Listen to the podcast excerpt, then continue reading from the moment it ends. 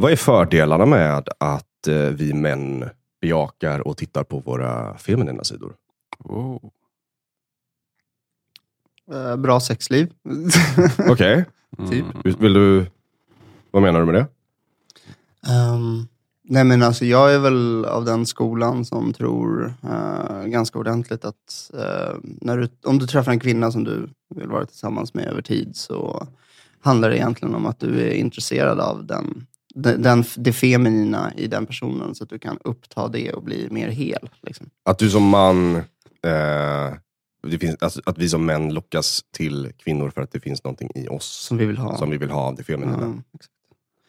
Ja. Eh, lära sig och, och så vidare. Så, Vad är det?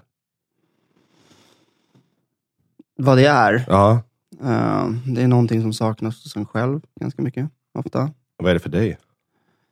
Um,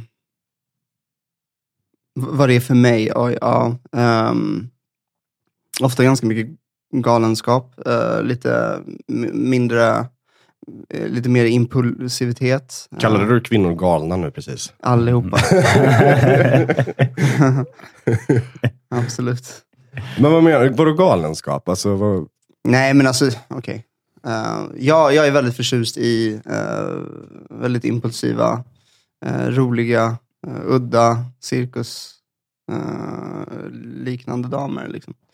Det är oftast där det landat. Um,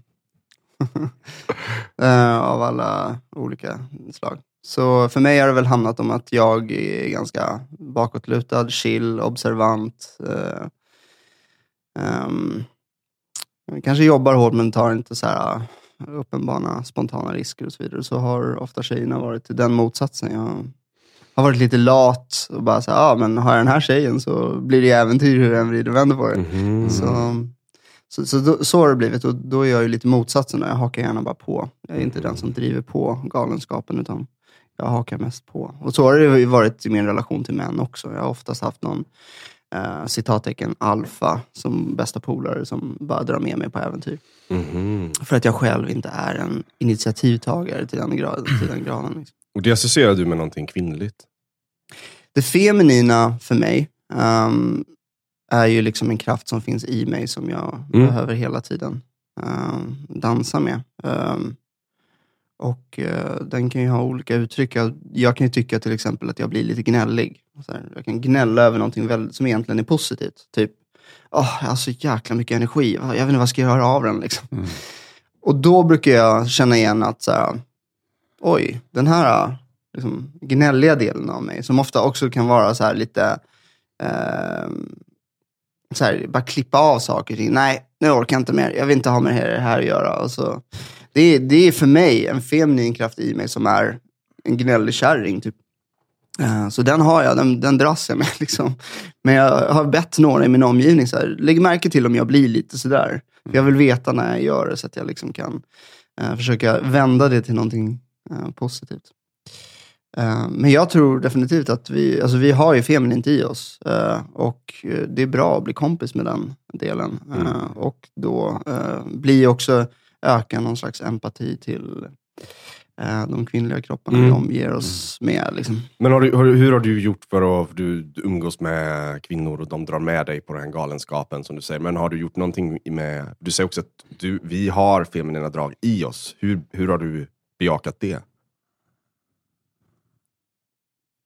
Um, alltså jag har ju provat uh, klä mig i kvinnokläder till exempel. Det kan ju vara en rolig övning som jag rekommenderar alla att göra. Prova det i ett jobbmöte om du är på telefonen. Se, s- ser du personlighetsändringen i dig själv? Eh, Hur, hur var det? Hur är det för dig? Eh, Hur det är? Ja, nej, men alltså, jag blir ganska, jag blir ganska fascinerad över hur, hur, liksom, hur ordentligt eh, personligheten skiftar. Så det kan jag tycka är sjukt spännande. Mm. Ehm, och jag blir jättemycket bättre på att säga nej. Wow. ja, Okej. så det, det är bara ett exempel. Men det är så här, Men Ja. vänta, varför då? Vad för att du- jag tror varför att det är jäkligt mycket viktigare eh, för min feminina, eh, för mitt feminina att sätta gränser. Det är inte lika viktigt för mig. Jag tror att jag klarar det nå- någonstans, för alltså, den maskulina delen i mig Ehm, tror att jag klarar nästan allt, så den är lite övermodig istället. Och så om jag tar på mig en klänning så är jag helt plötsligt så här, "Psh, kom inte nära, don't, don't. Alltså, Mm. Åh fan, du får mer, är det att du får mer integritet? ja det vet fan om man kan säga så, men, men en annan integritet i alla fall. Med gränssättning, säga nej. Det är ju någonting som jag associerar med mer maskulina drag. Eller hur? Jag med. Mm, ja. jag tänkte också. I rummet, absolut. Eller så här, gräns, ja absolut, tycker jag. Mm. Tycker. Och, Men, du, och, men- och nu säger du att när du har är ju mer kvinnokläder på dig så får du lättare för det. ja, mer socialt, absolut. Vadå? skulle jag säga. Ja. Det är väl mer, alltså det är ju olika gränssättningar. Det sker på olika sätt. Mm.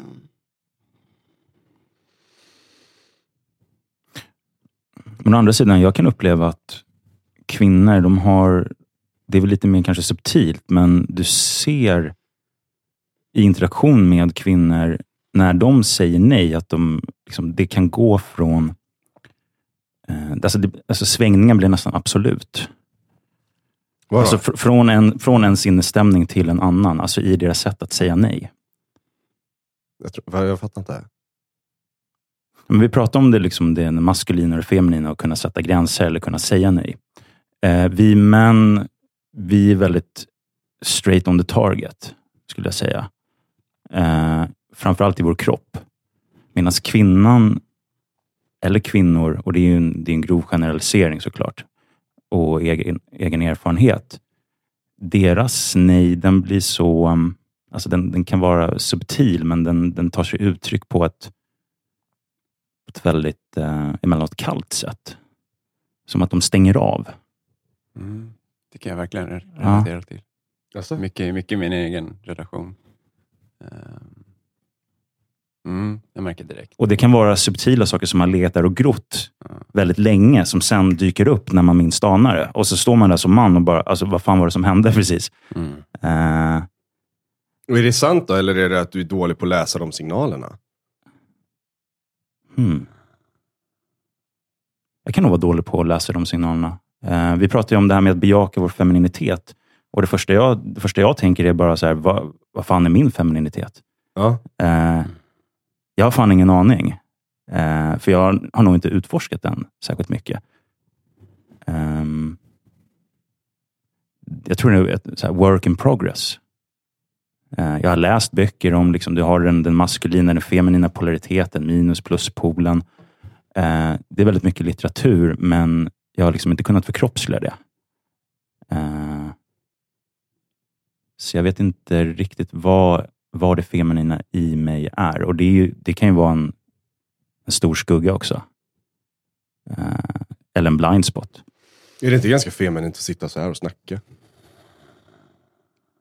Både och skulle jag säga. Du, du menar det här klassiska att vi, att vi män alltid är i kroppen och rör på oss och är ute och bygger saker eller eh, håller på med en sport. Ehm, eller någon form av fysisk aktivitet. Jag skulle säga att efter att vi har gjort det så är det ju väldigt naturligt att sätta sig ner, som det här, en lägereld. Mm. Så jag skulle inte säga att det vare sig särskilt feminint eller liksom maskulint. Fast det kanske tar sig, liksom, slutresultatet kan ju bli densamma, men det som leder fram till det kan vara olika. Men vi har pratat lite om, om sex och galenskap och Mm. någon typ av lust, tolkar jag in mycket i det du sa. Va? Har vi pratat om sex? What? Det är det, som brukar hända. Det var det första du sa. Men vad säger du mer om att, eh, vad, vad, ser du några fler fördelar? Du, även om du kanske inte har, vet vad det är i dig, kan du ändå så här, se några, några, vad är fördelarna med, med det att män bejakar sina, sin, sin kvinnlighet, sina feminina sidor? Empati. Eller? Alltså, så här, eh, att försöka förstå hur det är att vara någonting. Jag tror att vi pratade om det i tidigare avsnitt. Jag tror att man behöver öva på empati. Och då spelar det egentligen ingen roll vad det är för typ av annan människa man behöver empatisera med. Det handlar väl liksom om att behöva vara i den miljön för att se hur det är att vara.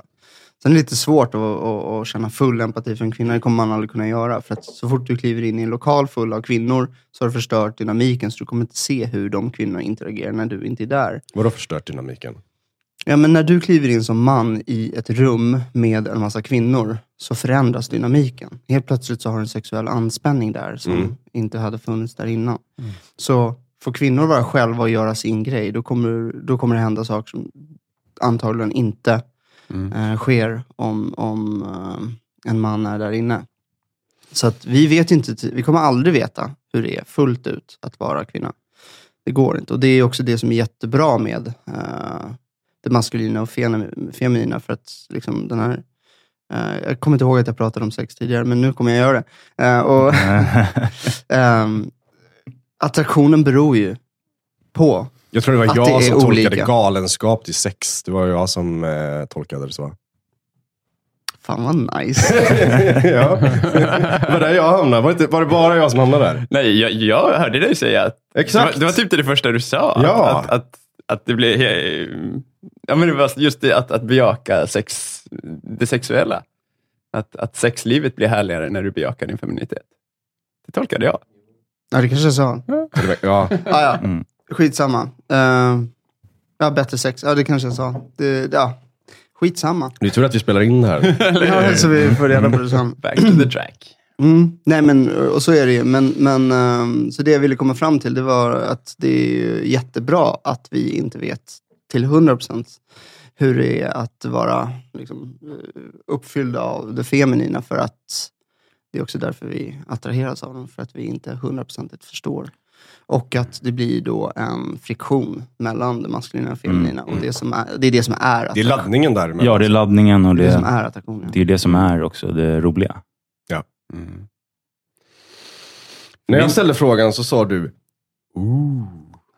Ja, men jag tycker den är spännande. Ehm, vad var det för någonting? Mm, dels att, att jag eh, utforskade mycket min feminitet under gymnasieåren. Eh, Hur då? Både... Ja, men jag, jag, det var ett utforskande som både kom från nyfikenhet eh, och eh, en liksom politisk övertygelse, men också en, en viss typ av...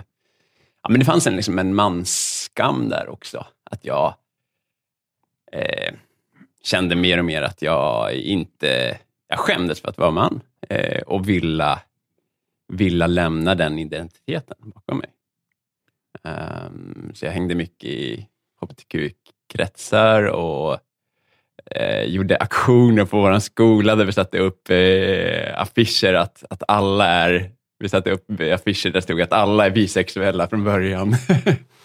så här, det var verkligen eh, ja, vä- väldigt politiskt. Men hur långt, var, Eh. hur långt gick du i det där med att du sa att du skämdes för att vara man? Alltså för att du ville bli kvinna? Att du, Nej, hur- jag ville aldrig bli kvinna, men jag ville utforska vad det var. Eh, Jag, jag ville framför allt utforska vad som händer när jag eh, backar eh, och släpper fram kvinnor. För jag kände att, att jag... Att jag om, om, om just männen är problemet här i världen, då behöver vi män backa och släppa fram kvinnor. Eh, så det var min, min utgångspunkt. Var, var det Eh, det så- som var så det var- politiska? Du sa att det fanns ett politiskt... Ja, men precis. Agenda. Det var väldigt mycket politiskt. Och, så det var mycket det, att, att eh, verkligen försöka så här, backa, backa, backa och släppa fram och aldrig bli, aldrig bli den liksom ledande eller do- dominanta, för då blev jag ju plötsligt en, en mansgris. Liksom. Eh, så den, den bakgrunden har jag och, och till en början tog jag mycket med mig, in den, med mig den in i min relation. Eh, den har liksom legat som någon form av grogrund. Med, med en kvinna eller med en man? Ja, med, med en kvinna. Med en kvinna, Mm. okej. Jag, jag, har, jag har träffat några män, men, men framförallt har det varit kvinnor. Ehm, och, eh, men just i mötet med min fru så har ju det liksom, vi märkt att, att det har, ja men just som ni, som ni eh, lyfter, att, att just polariteten har ju blivit lidande av det. Eh, att jag hela tiden backar och låter henne, henne vara den ledande. Ehm, så det är egentligen de senaste åren som jag har liksom vänt och börjat utforska min maskulinitet mer. Mhm. Och för mig, ja, och i det så och är det också viktigt för mig att liksom, men, inte heller fördöma och skamma min feminina sida. För det finns mycket, alltså liksom, eh, lekfullheten, det här galna cirkuslivet. Jag, jag hängde mycket i de kretsarna under gymnasietiden också. Eh, och det är ju så här, att bara så här få leka och eh, flippa. Det, det, är väldigt mycket den feminina sidan hos mig, för Mm. mig. Eh, dans. Och det, är- ja, det är jäkligt fint när vi låter båda sidorna finnas i oss och när vi kan ha kontakt med båda sidorna. Och liksom, ja, men som ett smörgåsbord att plocka. Plocka vilka, vilka egenskaper vill jag ha mer av just nu. Har det hjälpt dig att du blir som att du har först bejak, utforskat din feminina sida och liksom lite så här förtryckt det maskulina Mm. och sen nu på senare år har du börjat bejaka det maskulina. Har det, har det varit en fördel i det? fördel eller inte. Jag, jag kan ju tycka att det är ju... Jag kan ju... eh, Alltså resan har ju varit som den har varit och eh, jag tror ju allt, allt sker, sker med, med, med någon form av syfte här i livet. Eh, och Vad är, det du, vad är det du har skämts för i det maskulina? Mm, nej men det var mycket att jag... Kanske inte att jag har skämt så mycket i min egen maskulinitet, men att jag har skämts för andra män och att jag inte vill vara en del av eh, manssamhället. Eh, att, Vad är det manssamhället? jag har, I alla fall då eh, så var det ju väldigt mycket att det, jag såg alla, alla problem som fanns i världen eh, och jag tyckte att det var männens fel. Jag tyckte att det skulle vara mycket, mycket bättre om det var kvinnorna som fick styra. Då. Ehm, så det, det var det att, att jag, ja, men jag, jag skyllde alla problem på männen, helt enkelt. Eh, Det var de som var den, stora syndabocken. Nej, Jag känner igen mig. Jag, jag hade samma tankar. Känner ni igen er? Nej. Nej? Nej. Jag tror vi båda är uppvuxen i en väldigt maskulin miljö. Uh, umgåtts väldigt mycket med uteslutande män. Eh, jag är till exempel i mitt första riktiga förhållande. Alltså någonsin. Mm. Och jag är liksom över 30. Eh, och sen barnsben och sen liksom under gymnasietid under, och också i vuxet liv nästan bara umgås med män. Jag har inte så mycket tjejkompisar. Några enstaka. Och de tjejerna, eller kvinnorna, eh, har ju också maskulina, ganska maskulina sidor. Mm. Ehm, så nej jag, kan in, nej, jag kan inte känna igen mig i det här att det skulle vara männen, att männen skulle vara roten till all ondska. För att jag tror att det gäller både män och kvinnor eh, i sin dynamik. Sen kan, man ju, sen kan man välja vilken nivå man vill lägga det på. Eh, alltså vilken, vilken typ av samhällsnivå. Eh, och Det tror jag finns i allt från politiken på högsta nivå till um, ja, inte vet jag, restaurang, eh, liksom restaurangbranschen. Eh, men nej, jag, nej. jag känner inte igen det där, men det är, det är intressant att, att lyssna på, på, vad du, på vad du säger och jag blir precis som, som dig ehm, nyfiken just på vad, vad som är, varför det händer i och varför det kom så tidigt. Mm. Är det för att, alltså, har du, har du hållit på med någon, någon, någon idrott eller liksom eh, hängt i bara liksom en mansmiljö? Liksom fotboll, fotboll, innebandy, Alltså, åkte i- handboll? eh, nej, ingen nej, lagsport. jag, jag, liksom. jag klev, nej, jag klev ur liksom den... Eh, nej, jag, jag har aldrig varit en bollsportskille, eh, men jag åkte mycket skateboard och där var det ju det var ju uteslutande män eh, och det var ju en väldigt tydlig hierarki och väldigt grabbigt. Eh, men jag kan inte känna att det var att det var det som formade min, min liksom manskam, utan det var nog mer eh, jag hängde väl, jag hade i princip bara tjejkompisar förutom liksom skateboardgänget. Eh, och det gjorde, ja men, det var, det var som där jag kunde ja, men vara i kontakt med det mjuka. Eh, jag uppskattade väldigt mycket liksom, att faktiskt bara här, kunna prata. Eh, även fast jag inte hade så bra kontakt med mina känslor, för jag hade ju förtryckt alla, alla, all ilska och all sorg för att jag tyckte att jag bara skulle vara glad hela tiden. Um, men det var en... Kommer inte det här väldigt mycket, jag tänker på pappa. Mm. Fadersgestalten som man har liksom, framför sig under uppväxten. Jag fick nog jättemycket, liksom, mina feminina preferenser och så, att jag umgicks mer med tjejer än med Mhm. killar. Och, och hade en väldigt mjuk pappa, väldigt, så här, med väldigt mycket feminina drag. Och jag tänker direkt på det, att är- ligger det någonting i det? Att, hur, hur hade ni det om, om Vi ni... är ju inte feminina pappor överhuvudtaget. Nej. Vi har ju bygger ju, alltså, vi har, visar med hela armen, coachar fotbollslagen. Alltså båda våra Ja. pappor håller ju på med liksom, coachar och sen är de chefer på sitt jobb och så vidare. Och så vidare, och så vidare. Ehm, Och då kommer så- utslagsfrågan, hur var det för Mm. din? Ja, spännande. Eh, min pappa, definitivt inte feminin. Eh, men jag skulle säga att han inte är så mycket i kontakt med sina känslor. Eh, och en del som jag märkte av väldigt mycket mycket i min uppväxt var att han kändes ofta ganska avstängd och lite sur. Eh, och inte så, så nöjd med situationen. Eh, så det var väl någonting som jag kände att ja, men det där vill inte jag ha. Jag vill vara, jag vill vara mer i kontakt med um, Ja, mer i kontakt med, med det mjuka. Eh, det var väl snarare en revolt snarare Mm. från min pappa. Mm. Just det, Mm. jag fattar precis. Jag ville inte återskapa det helt enkelt. Är du kvar i den revolten? Mm. Bra fråga. Definitivt. Ja. Mm.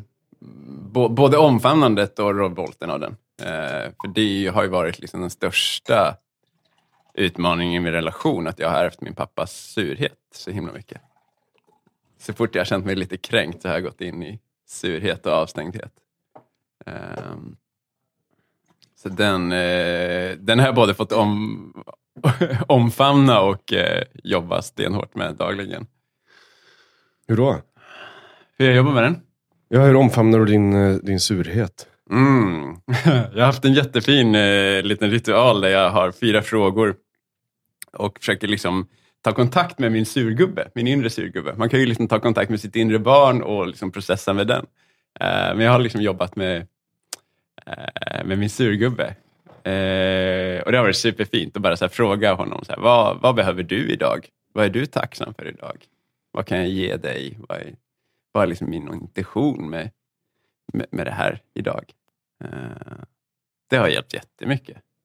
Och också en jätte, har varit supertydligt när jag nu på sistone har glömt bort den ritualen. Då har liksom surgubben kommit pockande mycket mer. Men, Eh, men okej, nu blir jag lite irriterad. Nu, Um, är det inte bara enklare att bara bli förbannad? Om det är en surgubbe som går undan och är lite tjurig och så här och sen, sen börjar du prata med, alltså, eh, är det inte skönt att bli arg? Mm. För min surgubbe hade, blivit, hade ju exploderat om jag försökte prata med honom på det jävla sättet. du du behöver inte bli arg bara för att du är sur. jo, men det är någonting där. Alltså, ja och nej. Jag tycker, alltså, jag tycker om att... Jag tycker absolut, jag har, jag har lärt mig att liksom komma i kontakt mer med min ilska och eh, jobbat med den på olika sätt. Eh, men eh, jag känner inte, så jag tycker att det är skönt att uttrycka ilskan. Men jag känner inte att det är någonting jag vill liksom vräka ur mig över min familj. Det känner jag inte på något sätt är liksom konstruktivt. Då sårar jag ju bara dem. Eh, Är det så illa alltså? Alltså jag menar, eh, du arg på så destruktivt sätt menar du? Jag menar, det går ju att vara arg och det går ju att vara arg. Liksom. Mm. Det, det är två... Eh, hur menar du? att, att ibland kan det för mig eh, vara så jävla skönt att bara vara arg och sen är det över. Och så är alla Mm. glada och trygga.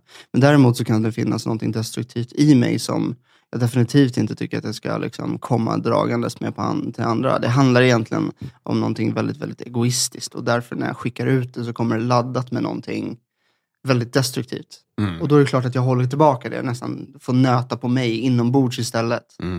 Eh, eller att jag liksom tar tag i en kudde och skriker i den. Men, men ehm, ehm, ja, det finns ju olika sätt att vara arg på. Jag tycker det är jätteskönt att vara arg om det inte kommer laddat med en massa så här destruktiv, kladdig soja. Liksom. Mm. Ehm, Så hur eh, kanaliserar vi det då? Hur jag kanaliserar min ilska? Mm. Eh, på ett konstruktivt sätt så skrika under vatten är grymt. Silent scream tycker jag är grymt.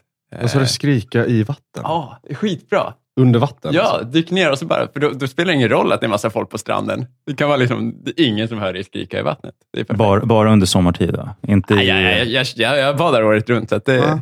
ja, jag med. Ja, har, har du badkar också? Kan man köra där? men eller hur? Mm. Smart. Eller i kudde som du säger. Det är också Ja. grymt. Men satan vad vi kallar det, pratar om ilska. Det, det var inte det som var ämnet här. Nu, tror jag vi, nu försöker vi komma undan någonting. Jag, till exempel du som är moderator här lite grann. Ja. Ja. Ja, men jag kan Var, varför har inte du Jo, berättat jo, om... jo, jag tänkte göra det precis. Ja. Jag satt här och, och sa att jag, skulle, jag vill också dela med mig. Ja. Yeah. Jag kommer ju från teatern. Mm. Liksom barn, barnteater och så här. Alltså tidigt, man, man, att sitta sig och lära sig att sminka.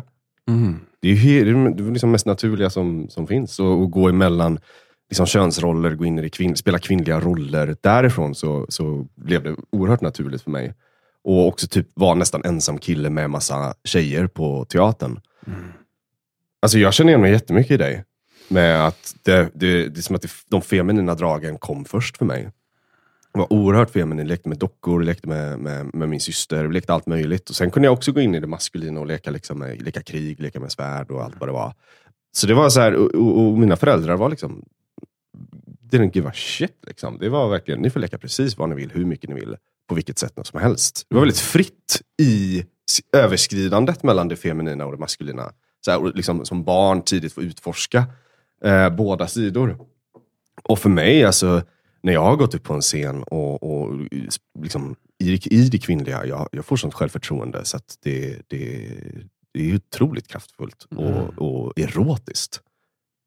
Så jag har utforskat det mycket liksom, med, med, med kvinnokläder och precis som du sa också. Mm. Och, och fått gjort den resan att också ifrågasätta skam, skuld, eh, liksom det, förtryckande av det maskulina, vilket har kommit liksom på senare tid. Jag har börjat bejaka det mer och, och liksom bli mer, känner mig mer integrerad i, i båda sidor. Eh, så att för mig är det väl, för mig så är det också, liksom, du, du var inne på det, att det är en fråga om så här, känna sig, jag känner mig mer integrerad. Jag behöver båda två. Jag ser verkligen eh, fördelarna med att kunna leva i, i båda sidorna. Eh, och tycker det är jävligt kul. Jag, jag känner mig, jag saknar någonting så fort jag är för mycket i det andra, ena eller det andra. Mm. Jag var på väg ett tag också mycket i hbtq-rörelser och så här. Bara utforskade när jag var liksom tidig 20-årsålder. Och då märkte jag ganska tidigt att nah, det här är inte, det är inte, det är inte fråga om att jag liksom alls är intresserad av att definiera det på något sätt alls. Utan det är, det är, det är mer eh, det är mer uttrycket i sig. Att bara få känna, att få vara i kontakt med kroppen. Men jag kommer väldigt mycket i kontakt med min kropp. Via det, de feminina dragen av liksom Mm. dans, sensualitet. Och sen älskar jag liksom att gå in i det mer råa, hårda, liksom, maskulina. Och, och det, det, det, det får mig att må väldigt, väldigt bra.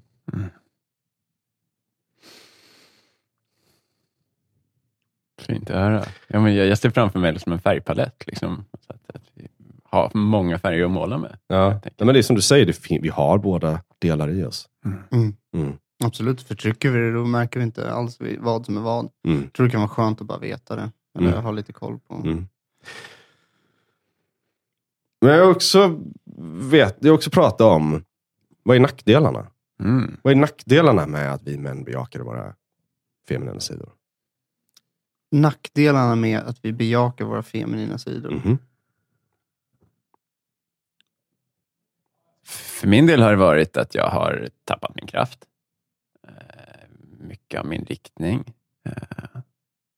När jag är för mycket i det feminima. Då, ja, men det, det liksom mansarbete jag har gjort sista året egentligen har liksom gett mig mycket mer energi, riktning och, och jag vet mer vart jag, vart jag vill. Eh, när jag har varit mer i det feminima, så har jag mer flutit med bara. Eh, vilket också är jättefint, men jag, jag får ju bra mycket mer gjort och skapar mer av det liv jag längtar efter när jag är i min maskulina. Definitivt. Jag försöker spela djävulens advokat mot mig själv här och bjuda in till en sån här typ av samtal. Vi sitter i en manspodd och pratar om våra feminina egenskaper. Finns det något problem i det? Jo men det är klart, jag, alltså, när jag har haft mina sämsta delar i livet och man liksom går in nästan lite på det där som du pratar om, någon slags skam över att vara man. Då kan det ju vara att jag kanske bejakade lite av den destruktiva sidan av det feminina i mig. Vad är det? Ja men någon slags idé om att kvinnan skulle vara svag. Någon slags idé om att de behöver skyddas från oss män. Typ. Eh, vilket kan leda till så här, misstänkliggörande av sina bröder. Liksom nära vänner, vilket kan leda till, eh, till att man eh, ja, men nästan eh, vill ja, men, ta hand om dem, dem som att de vore ömtåliga. Liksom. Och det blir både kränkande för kvinnan och misstänkliggörande och, och det påverkar lojalitetsband och så vidare. Så det har jag haft drag av. Sen har det inte gått så långt så att jag har kallat mig radikalfeminist eller hoppat in i hbtq-rörelsen. Men där osar det ju, skulle jag säga, av eh, den negativa delen. Eh, eller vad ska jag, den destruktiva delen av att eh, eh, av att vara feminin i en värld av eh, Eh, ja, de, de två krafterna eh, och det, det mittemellan. Liksom. För det, det är ju någonting ganska destruktivt i att hävda att eh, kvinnan inte klarar av eh, eh, saker och ting. Att hon skulle vara svag på något sätt. Att hon behöver skyddas eller ö- bli överbeskyddad av en, en gärningsman som, som man nästan har, liksom, vi nästan har kommit på att nej men, det finns inom oss alla och den måste man vara vaksam på. Och så lägger man jättemycket uppmärksamhet på att eh, hålla koll efter den där inre gärningsmannen som all maskulin kraft bär på. Mm. Så Ja, men håller, känner ni igen er i, i, i det att det, det, det, det finns en brist på liksom, trygga maskulina män i vårt samhälle idag? Absolut, men det är Är det inte då ett problem att vi, vi ska bejaka det feminina om det är så förvirrat i vad det är att Om vara gör- man idag? Om vi gör det på rätt sätt. Det var därför jag blev så ställd. För att vi var ju ändå och pratade lite om, så här, enligt mig, det korrekta, rätta sättet att bejaka. Det ska göras lekfullt, man ska lära känna den på ett sunt sätt. Men om man lär känna det feminina som, som, en, som en överkompensation av sin egen skuld och skam eller eh, otillräckligheter som man har varit med om när man växte upp, ja, då är det fel ute. Mm. Eh, däremot om du gör det lekfullt, kul och verkligen liksom bli vän med, det är en helt annan sak. Det är ett helt annat game. Det här leder ju bara till att man kommer närmare det feminina. Så, så jag som mest maskulin eh, kommer närmare eh, mina systrar genom att lära känna vad det i mig är det som är feminint. Då får jag högre empati och då kommer jag närmare dem. Så det, det behöver inte vara destruktivt. Men däremot så träffar jag eh, en hel del män som skäms över att Mm. vara... Och de, de bejakar ju sitt feminina på ett sätt som jag, jag får ju bara ont i magen när jag pratar med dem. Mm. För de har ett förakt mot sig själva, vilket Mm. liksom nästan attackerar mig i, i när vi pratar. Det, det är så mycket passiv aggressivitet och indirekta hugg i sidan som jag bara, men hallå, det där är inte... Vilket är så Vad är- vad är det jävla som- kontraproduktivt. För det är det som i så fall skulle, det skulle man ju kunna kalla för toxiskt. Det är toxiskt. Ja. Det är det där som är den toxiska femininiteten som vi inte har pratat om. Mm. Ehm, men eh, det lär vi nog bli tvungna att göra. Mm. Vad tänker du? De negativa aspekterna av att bejaka sin femininitet.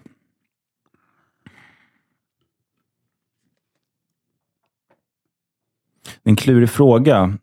För när jag hör um, samtalet eller diskussionen så skulle jag snarare säga att män behöver jobba väldigt mycket på sin maskulinitet när det kommer till att vara trygg i den. Uh, att kunna kanalisera sin, sin ilska, som vi pratade om tidigare, sin energi. Till exempel i mig så sitter väldigt mycket i kroppen. Hos en del andra män sitter väldigt mycket i huvudet. Um, så jag tror man behöver börja där och sen gå och bejaka sitt, sin feminina sida och de saker och ting som är bra med den, de som, saker och ting som är mindre bra. Um, för, för egen del så, och det är väl ganska uppenbart, jag har vare sig bejakat de positiva eller de negativa sakerna liksom med i det Vänta, feminina. säg det igen. Du har, gjort, du har gjort det eller du har inte gjort det? Nej, alltså jag har inte vare sig, alltså jag har inte bejakat särskilt mycket. De, po, alltså de positiva och de feminina sakerna i mig själv, när det kommer till det feminina. Men jag har snarare sett det i, eh, framförallt liksom i kvinnor. Ehm, kanske en anledning till att jag har dejtat väldigt mycket och inte haft några ehm, långa förhållanden. Mm. Ehm,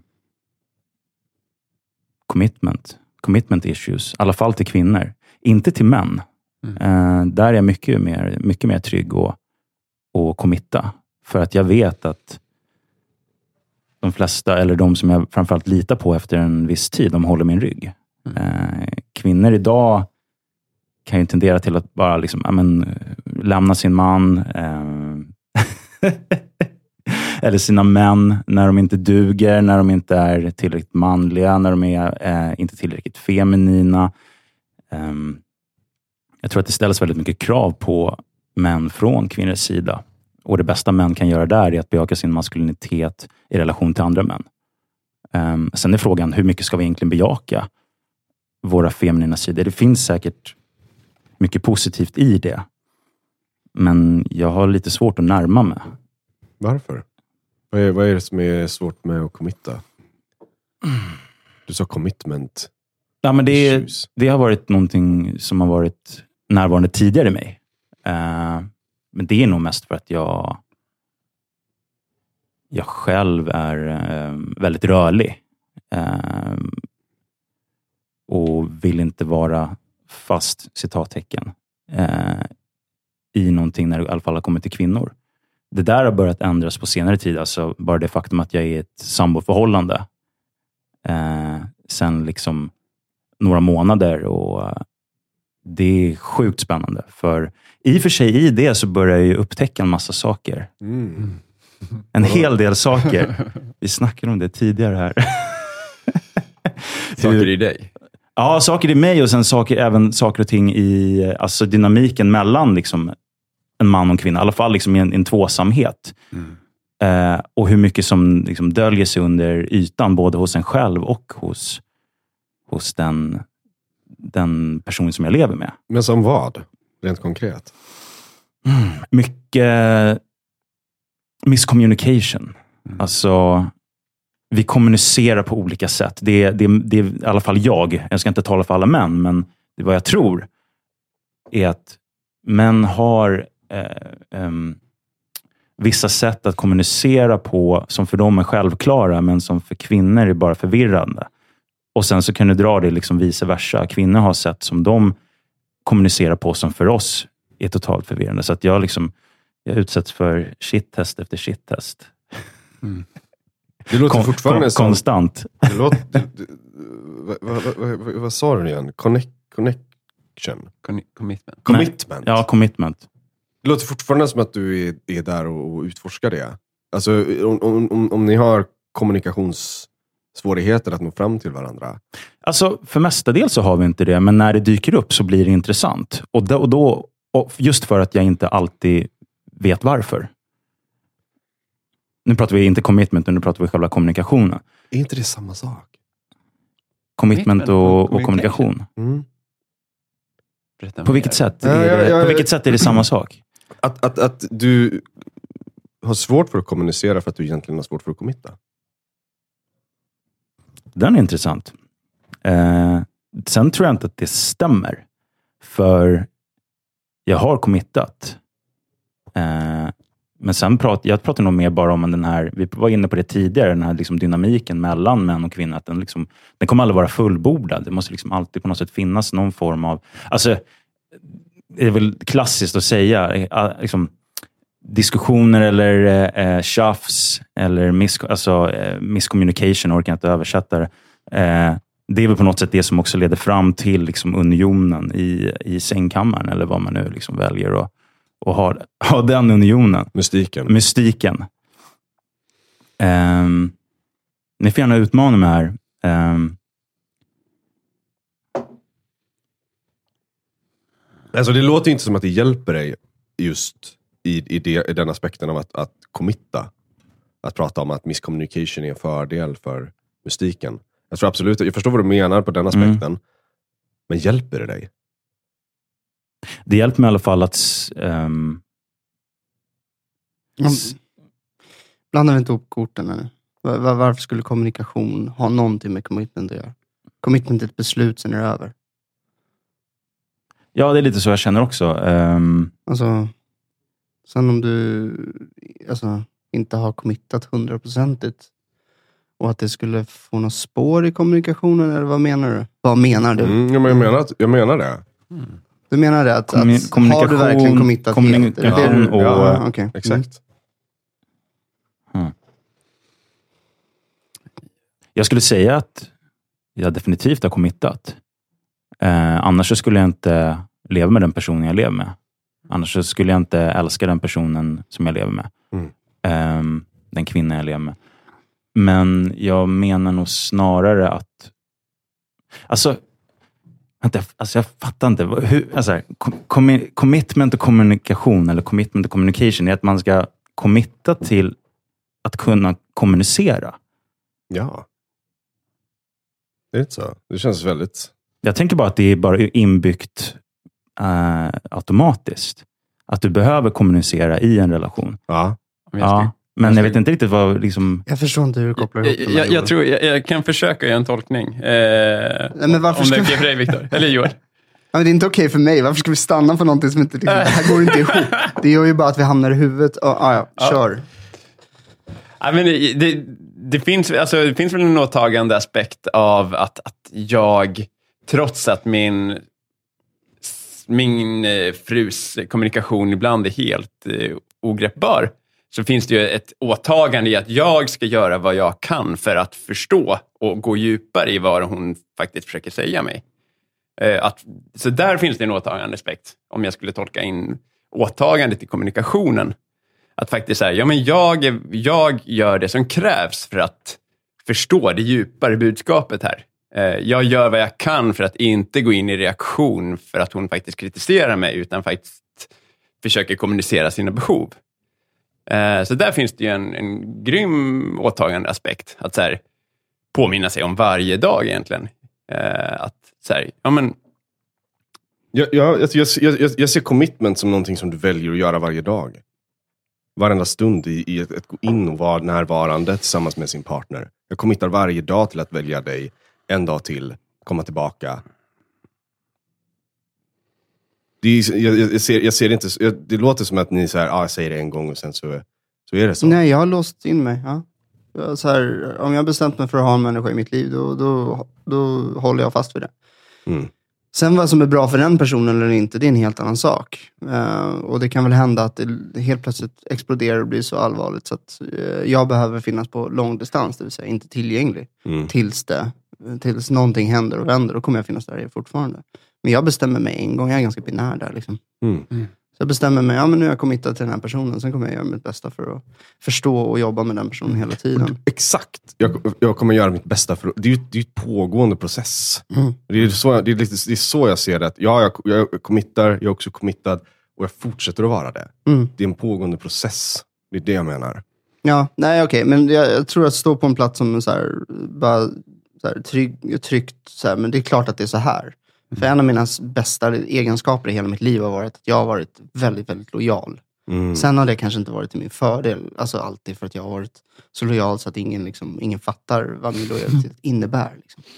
Eh, men, men ibland innebär det att livet händer och eh, du måste backa några steg för att, och det är jättedumt av mig att åsidosätta hela min karriär för andra människor. Det gynnar inte dem överhuvudtaget. Mm.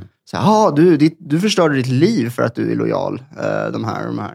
Så ibland kan det innebära att du behöver ta avstånd och så här, och behöva kommunicera det. Men, men i slutändan så här, um, commitment, det, det är någonting jag har varit ganska bra på Mm. eh, historiskt. Mm. Att när jag låser in mig på någonting, då slutför jag. Liksom. Det låter jävligt skönt, hur Mm. du beskriver men, det. men att det, jag, skulle, gillar, jag gillar hur det är ni därför jag pratar inte om. fattar kommunikation, eller varför det skulle ha Ja, alltså för commitment som jag ser det är någonting långsiktigt. Mm. Eh, på obestämd tid. Mm.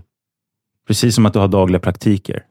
Du vaknar upp på morgonen och så vet du du har ett visst antal saker som du behöver göra, en del saker som, någon sak som du måste göra. Eh, och Sen finns det saker och ting som du njuter av att göra, vilket då kan vara liksom, praktiker. Precis, och det är ett commitment Mm. i sig. Mm. Eh, och commitment till sina, alltså sina nära vänner, i mitt fall mina nära bröder. Eh, och mitt commitment till min sambo, det är liksom på något sätt det är liksom hugget i sten. Och sen tänker jag inte på det för att det är så självklart för mig. Ja, jag är helt med där. För, för, Jag- förstår du vad jag menar? Mm. Absolut. För mig är det liksom, jag och min fru har haft många år av riktigt tuffa perioder. Eh, men det har alltid funnits en så här stensäkerhet i mig att nej, men det är vi. Det är, liksom, det är vi. Jag har bara vetat det i ryggraden. Eh, men men det, det finns ett åtagande som jag gör dagligen också utanpå det. Och det är just åtagandet med att inte, att inte hamna i offerskapet. Liksom. Att inte... ehm, ja, men eh, alltså, jag menar att, att faktiskt stå där i min kraft och stå där närvarande och faktiskt försöka förstå. Förstå hennes behov och vad det är hon försöker säga när hon kritiserar mig till exempel. Som jag har varit skit lättkränkt över. Jag är också nyfiken på hur du tog dig dit. Att bli committad som du är nu. Jag blev kär. eh, på ett sätt som jag... Det var väldigt många år sedan. Som jag förälskade mig i, i min sambo. Eh, alltså på det sättet jag förälskade mig i henne var väldigt, väldigt många år sedan. Så att alla kvinnor jag träffat däremellan, alltså det är så här, det låter så, kanske låter tråkigt, låter tråkigt att säga. Jag antar att jag är också en lös förbindelse för, även för de kvinnorna. Ibland så har det, liksom, det finns ju en dynamik däremellan. Ibland är man den som eh, liksom, sträck, liksom reachar, ibland är man den som settlar på något sätt. Men nej, det, det har helt enkelt bara funnits känslor när det kommer till eh, de kvinnor jag träffade innan min sambo. Så enkelt är det. Eh, och då var det självklart för mig, efter några månader, eh, att det, det är hon som gäller. Mm. Och sen är det så här, sen på något sätt, inte end of story, för liksom, storyn fortsätter ju. Ehm, berättelsen fortsätter. Ehm, men det, det är inte mer än det. Eh, eller det finns inte så mycket mer att säga kring det. Kanske väldigt definitivt från min sida. Eh, men det är lite så jag funkar också. Ehm, sen vad det grundas i, Jag tyckte du sa det klockrent. Ja. Du blev kär. Mm.